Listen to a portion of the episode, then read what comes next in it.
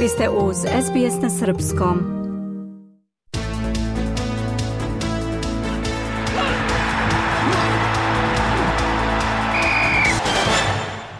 Na olimpijskom stadionu u Sidneju u nedelju uveče odigraće se veliko finale NRL rugby liga šampionata Australije.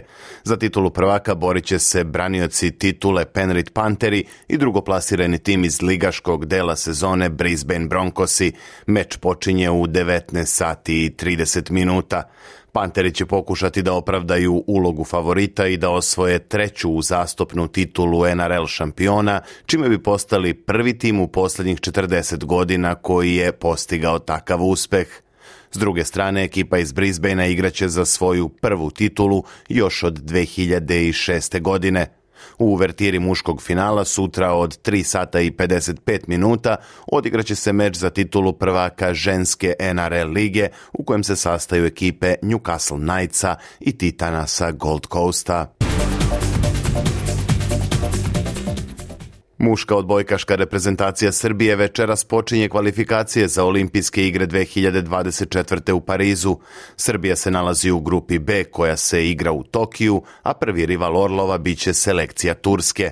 Odbojkaši Srbije će za rivale u grupi imati i reprezentacije Tunisa, Egipta, Japana, Finske, Slovenije i Sjedinjenih država. Plasman olimpijske igre obezbedit će po dve najbolje selekcije iz tri kvalifikacione grupe, kao i najbolje ekipe iz Lige nacija, koja se završava kasnije ove godine. Učešće na igrama u Parizu za sada je obezbedila samo selekcija Francuske kao domaćin takmičenja. Futbaleri Novosadske Vojvodine zabeležili su pobedu protiv IMT-a 2-1 u prvoj utakmici osmo kola Srpske Superlige. Dvostruki strelac za Vojvodinu bio je mladi Mihajlo Ivanović. Večera se u okviru osmo kola igraju mečevi Spartak Subotica Čukarički, Crvena zvezda Radnički Niš i Mladost TSC. Sutra igraju Radnik Javor, Napredak Partizan, Železničar Pančevo Radnički Kragujevac i Voždovac Novi Pazar.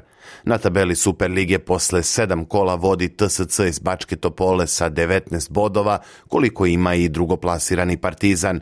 Treća je Crvena zvezda sa 15 bodova, a zatim slede Mladost iz Lučana i Vojvodina sa po 14 a futbaleri Barcelone savladali su Sevilju u prvoj utakmici osmo kola Španske La Lige. Katalonci su do pobede došli autogolom nekadašnjeg igrača Real Madrida Serhija Ramosa u 76. minutu meča. Barcelona je ovom pobedom preuzela vodeću poziciju na tabeli sa 20 bodova, dok je Sevilja na 12. mestu sa 7 osvojenih poena. Srpski teniser Hamad Međedović pobedio je Aleksandra Ševčenka iz Rusije sa 2-0 u osmini finala turnira u Astani. Međedović je do triumfa došao posle samo 70 minuta igre, brejkovima na samom početku oba seta. U četvrtfinalu srpski teniser će igrati protiv Čeha Jiržija Lehečke, trenutno 29. igrača na ATP listi a španski teniser Carlos Alcaraz plasirao se u drugo kolo ATP turnira u Pekingu, pošto je pobedio Nemca Janika Hanfmana sa 2-0 u setovima – Rival Špancu u drugom kolu biće Italijan Lorenzo Musetti, koji je savladao Rusa Karena Hačanova sa 2-1. U narednu rundu lako se kvalifikovao Rus Danil Medvedev pobedom protiv Amerikanca Tomija Pola 6-2-6-1. U narednom kolu ruski as će igrati protiv Australijanca Aleksa Teminora, koji je sa 2-1 u setovima savladao britanskog veterana Endija Marija. Veliko iznenađenje u Pekingu priredio je čileanac Nikolas Hari, koji je eliminisao četvrtog nosioca turnira, Grka Stefanosa Cicipasa. SBS ogledalo aktualnih zbivanja u sportu.